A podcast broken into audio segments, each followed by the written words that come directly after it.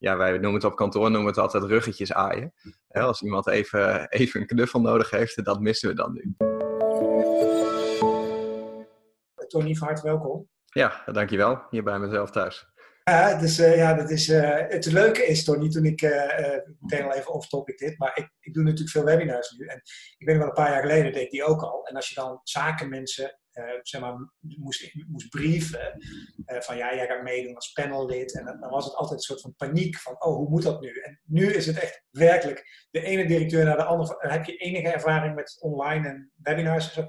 hey, ik doe niet anders. ik, ik, zit, ik zit de hele dag zit ik achter mijn webcam en achter de computer. Ja, je komt bij de mensen thuis ook zo. Ongelooflijk hoe die wereld aan het veranderen is. Hoe speelt dat bij, uh, bij jullie? Bij, uh, ja, moet ik zeggen, bij de, de IMU Holding inmiddels? Of het IMU Imperium? Het IMU Imperium. Nou ja, kijk, de, de, de kern van mijn bedrijven is allemaal online marketing cursussen. Dus ja, die geven we al jarenlang online. Uh, we geven al sinds, nou, 2008 of zo, geef ik al webinars. Dus, dus dat is voor ons ook niet nieuw. Um, dus, dus aan die kant van de business verandert eigenlijk niks, want wij verkopen al onze producten online en we geven eigenlijk, eigenlijk bijna al onze trainingen online op, uh, op een enkel incident uh, seminartje na wat we dan nu moesten opschuiven. Ja. Um, we merken aan onze producten dat er echt een stormloop ontstaan is van mensen die nu online willen gaan ondernemen. Dus er is ineens veel meer vraag naar onze software en uh, we hebben een boek gelanceerd, toevallig precies nu, wat, wat ook echt keihard gaat. Dus, dus voor ons is dat eigenlijk een beetje een zegen. Mm. En we merken het aan het team, merken we eigenlijk ook niet echt uh, verschil. Nee, met name de software, jullie, uh, want ik gebruik het zelf ook, hè, die Huddle eh, software. Dat is natuurlijk een, gaat dat nu hard, het aantal aanvragen van mensen die dan een, een online cursus of een online platform of online dingen willen gaan aanbieden? Ja, zeker. We hadden uh, zeker in de eerste week van, uh, van de lockdown uh, merkten we gewoon dat we ongeveer vijf keer zoveel huddles al verkochten als een, als een normale week. En dat heeft meteen drie weken aangehouden. Nu, nu vlakt het ietsje af.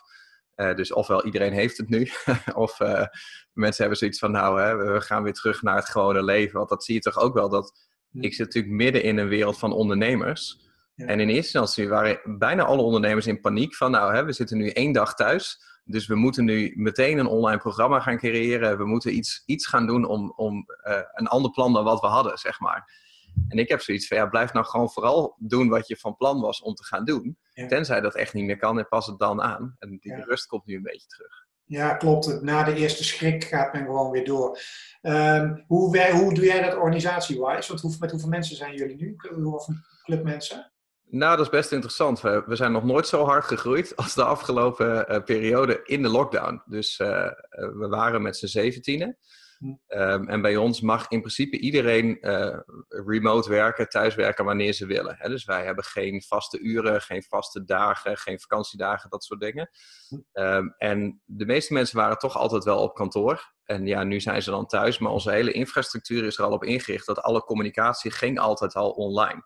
Dus wij gebruiken bijvoorbeeld Asana als to-do-list eh, tool. En we hebben dan een uh, systeem Discord, wat een soort van uh, zakelijke WhatsApp is, hè, waar iedereen contact heeft. Ja. Dus, dus daar is niks veranderd. Um, we hebben wel gemerkt dat het voor het team wat moeilijker is nu ze echt zo lang op zichzelf zitten dat ze elkaar wel echt beginnen te missen. en ik merk dat ik zelf en wat andere mensen ook wat, wat grimmiger worden, hè, omdat ze echt in hun eigen, in hun eigen isolement zitten. En dan pak je toch wat meer de social media op en de, en de frustraties. Ja. Uh, en dan, dan mis je een beetje die blijheid die je samen hebt. Dus dat vind ik eigenlijk het enige nadeel. Ja, het fysieke ook, hè? vind ik. Ik, wil, ja. ik weet niet of jij er last van hebt, maar ik merk dat zeker naar mijn naasten, zeg maar, dat je al wekenlang, in mijn geval dan met, met drie kinderen of zo, op meter afstand houdt. Dat is zoiets enorm onnatuurlijks, vind ik dat. Ja, klopt. Dat is toch. Uh, en gewoon even de hand, uh, elkaar de hand schudden. Dat, dat is iets wat je toch mist. Wat heel raar is. Dat, dat, dat je daar dan niet zonder kan. En uh, ja, wij noemen het op kantoor noemen het altijd ruggetjes aaien. Hè, als iemand even, even een knuffel nodig heeft, dat missen we dan nu. hey, dat boek waar jij het over hebt, waar, waar, gaat dat over? Over online marketing. Dat is de online marketing tornado geworden. En uh, dat boek dat heb ik in het begin van het jaar samen met Martijn uh, hebben we dat in zes weken geschreven. Dat was onze challenge. Jouw partner? En, uh, sorry? Jouw partner, Martijn? Ja, mijn compagnon. En nou ja, dat is dan vorige week op mijn verjaardag is dat, of nee, iets eerder, sorry, iets eerder is het uitgekomen. Ik ben in de war met de andere challenge. Maar Ehm, ja, daar zijn er nu 10.000 van verkocht in de eerste week. En dat is toch wel, uh, dat is heel bijzonder, hadden we niet verwacht. Maar uh, heel ondernemend Nederland heeft het erover. Hoe, hoe belangrijk is een actieve community uh, om je, ja, dat is geen open vraag dit. hoe, laat ik het anders stellen, hoe hebben jullie dat gedaan? Jullie hebben een hele actieve community van mensen om je heen hangen, hè? van ondernemers van klein tot groot. Hoe heb je dat, wat is het geheim daarvan om dat op te bouwen? Nou, zo kort. Kijk of het heel kort voor je samen kan vatten. Want ik heb, uh, ik heb er al een training over gegeven over hoe we dit precies hebben gedaan. En die training die duurde een uur. dat zal ik je nu besparen. Maar het is een combinatie van. Het is sowieso interessant dat van die 10.000 verkopen... Uh, is maar 51% wat wij zelf hebben verkocht. Uh, dus dus bijna de helft is verkocht door affiliates in dit geval. Hm. en dat zijn dus andere ondernemers, andere influencers die mee hebben gedaan. Dus wij hebben zelf natuurlijk opgebouwd naar het moment van er komt een boek aan in onze eigen achterban. Hè, dus onze eigen mailinglijst en social media van dat boek komt eraan, dat moet je hebben. Dat heeft goed gewerkt.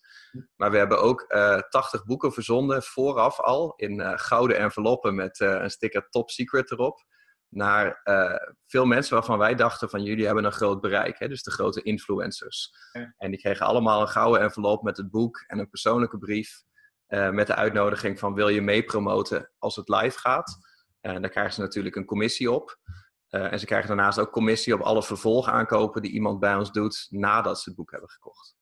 En daarom is het zo groot geworden. En wat, want nou, zijn, nou is niet het eerste boek over online marketing, volgens mij. Nee, klopt. Wat maakt het zo'n, wat voegt het nog toe? Nou ja, wij zeggen dat, dat dit is het boek wat alle andere boeken overbodig maakt. En uh, dat is lekker arrogant. Hè? maar je moet een beetje marketing doen voor je eigen boek. Maar uh, nee, ja, het, het, is begonnen als uh, we wilden eigenlijk een hele simpele startersgids schrijven. Zodat we dat gratis weg konden geven voor alleen druk- en verzendkosten. En dan hadden we eigenlijk een perfecte lead magnet. Hè? Want wij geven altijd gratis e-books weg.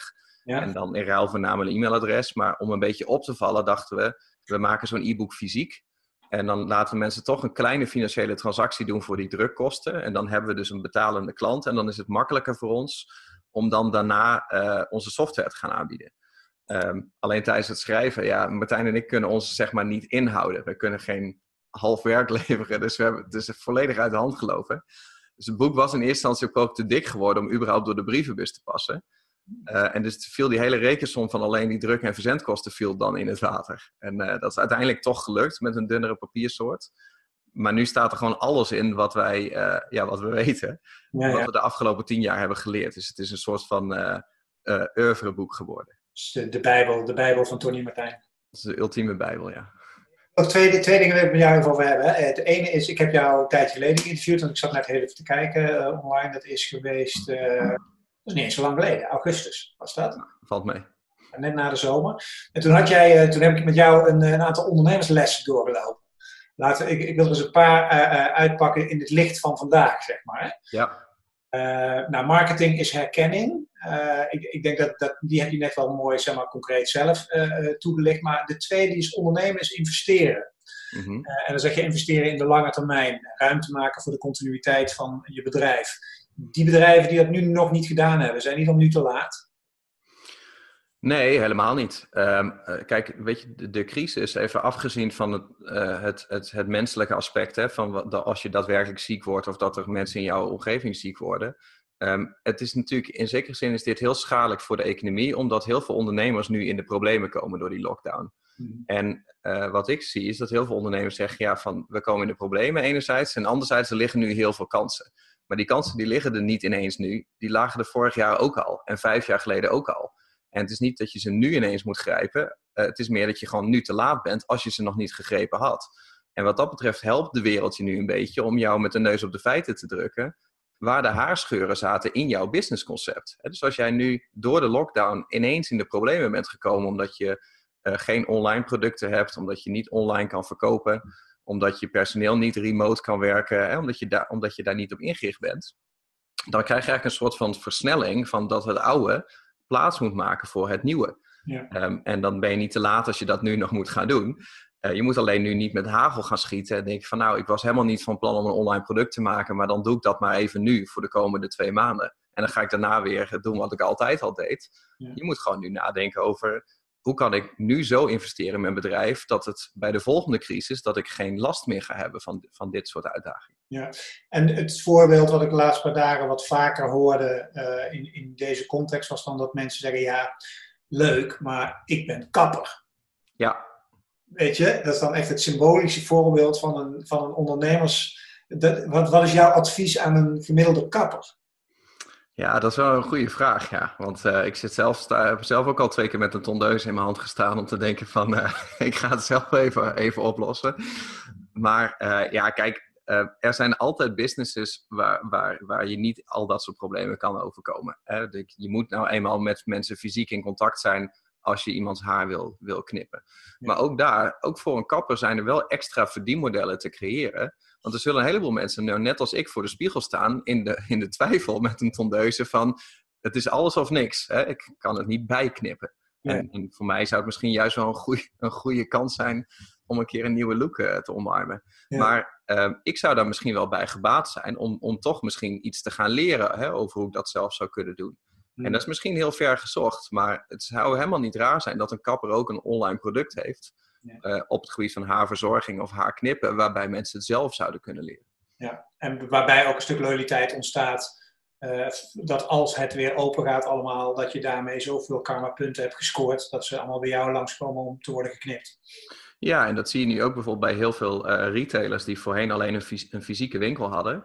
Uh, die nu heel snel een webshop hebben geopend, omdat ze anders niks kunnen verkopen. En dan hun vaste klanten eigenlijk aan het benaderen zijn van... hey, uh, ten eerste, je kan nu je favoriete spullen ook nu bij ons online kopen. Waar heel veel consumenten heel blij mee zijn. En dat waarschijnlijk na de crisis ook nog blijven doen. Je ziet dat heel veel restaurants nu ook ineens bezorgen, terwijl ze dat daarvoor niet, niet deden.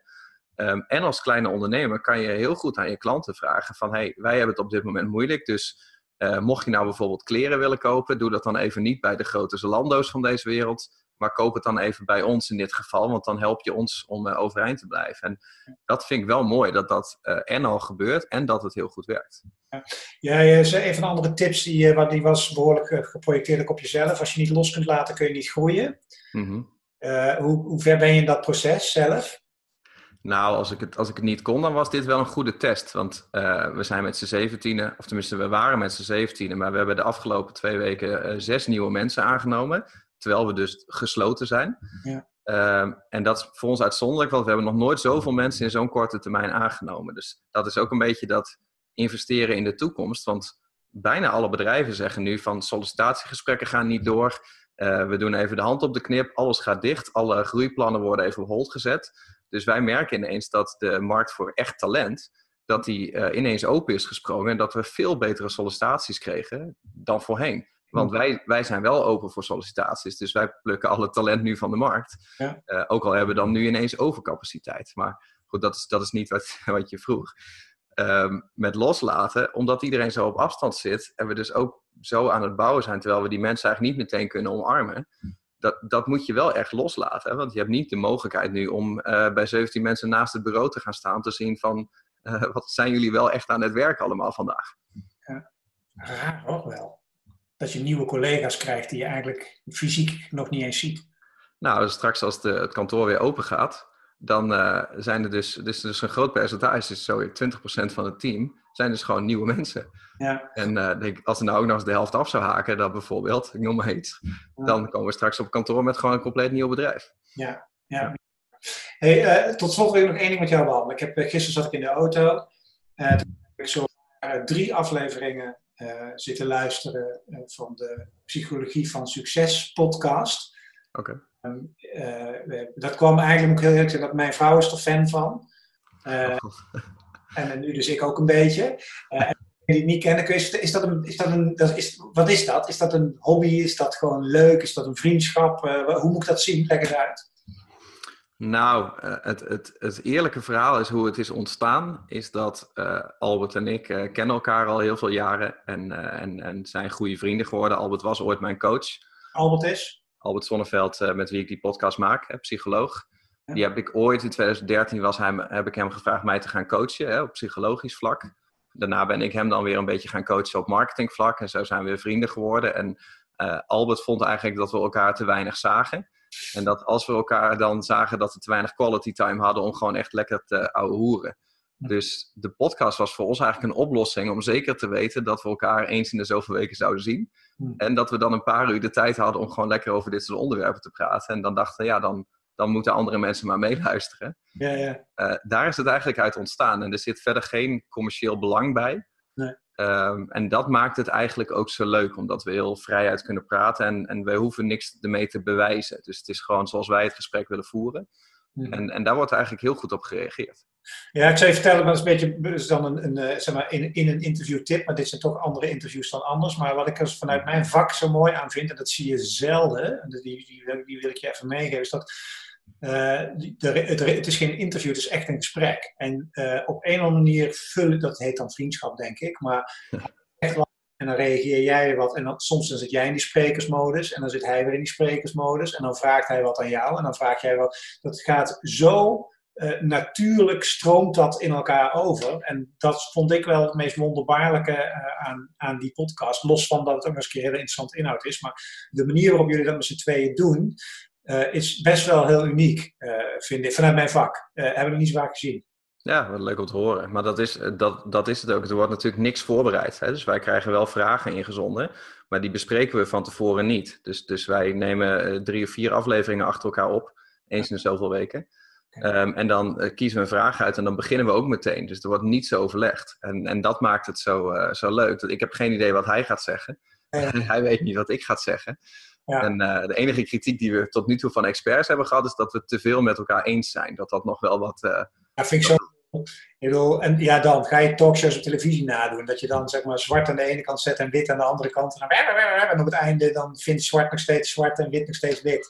Ja, maar misschien is dit ook uh, doordat nu de podcast eigenlijk nog meer opkomen door de coronacrisis, misschien dan, uh, dan andere dingen. Ik noem maar iets, uh, dat dat ook weer een versnelling is. Hè? Dat nieuwe media of oude media plaatsmaakt voor het, voor het nieuwe. Ja, precies. Nou, ik zou die, die, dat het, als je het eens bent, ben je het gewoon eens. En dan, dan maakt het gesprek absoluut niet minder boeiend. En jullie humor is wel eentje ter discussie, hè? toch? Soms. Dat die... Nou, gaat, gaat redelijk goed hoor. Dat, ik, uh, we worden er zelf nog niet heel moe van, maar ik kreeg wel de eerste kritiek vandaag op de reviews van iemand die zei: interessante podcast, maar ik word zo moe van meneer Tony. Ik denk, nou, heeft hij me in ieder geval nog meneer genoemd. verder gaat het prima. Nou, ik denk dat we een aantal mensen behoorlijk nieuwsgierig hebben gemaakt. Psychologie van succes heet het toch? Ja. Psychologie van succes. Nou, naast de CVD-TV-podcast, twee leuke podcasts om te volgen. Tot slot. Um, wat zou je mensen, dat klinkt wel heel priesterachtig dit hoor, maar als je nou nog één ding tegen ondernemer in Nederland zou willen zeggen, of tegen de overheid, of tegen de wereld, of tegen wie dan ook, wat, is dan, wat houdt jou de laatste dagen het meeste bezig, zeg maar? Um, ja, dat, dat, is, dat is een goede vraag. Ik merk wel dat het mij in eerste instantie meer bezig heeft gehouden dan, uh, dan nu. Um, ik ben nu bijvoorbeeld, uh, ik zal het niet helemaal uitleggen, maar ik ben een challenge gestart om de komende zes weken uh, naast een fitnessuitdaging ook 30 boeken te gaan lezen in zes weken. Daar ben ik eergisteren mee begonnen. En um, ik merk dat ik kan dat bijvoorbeeld alleen maar doen als ik dan ook zeg van nou, hè, ik gooi de televisie eruit en ik gooi even alle nieuws kijken eruit en, al, en social media eruit, want ik moet die uren moet ik winnen voor het boeken lezen.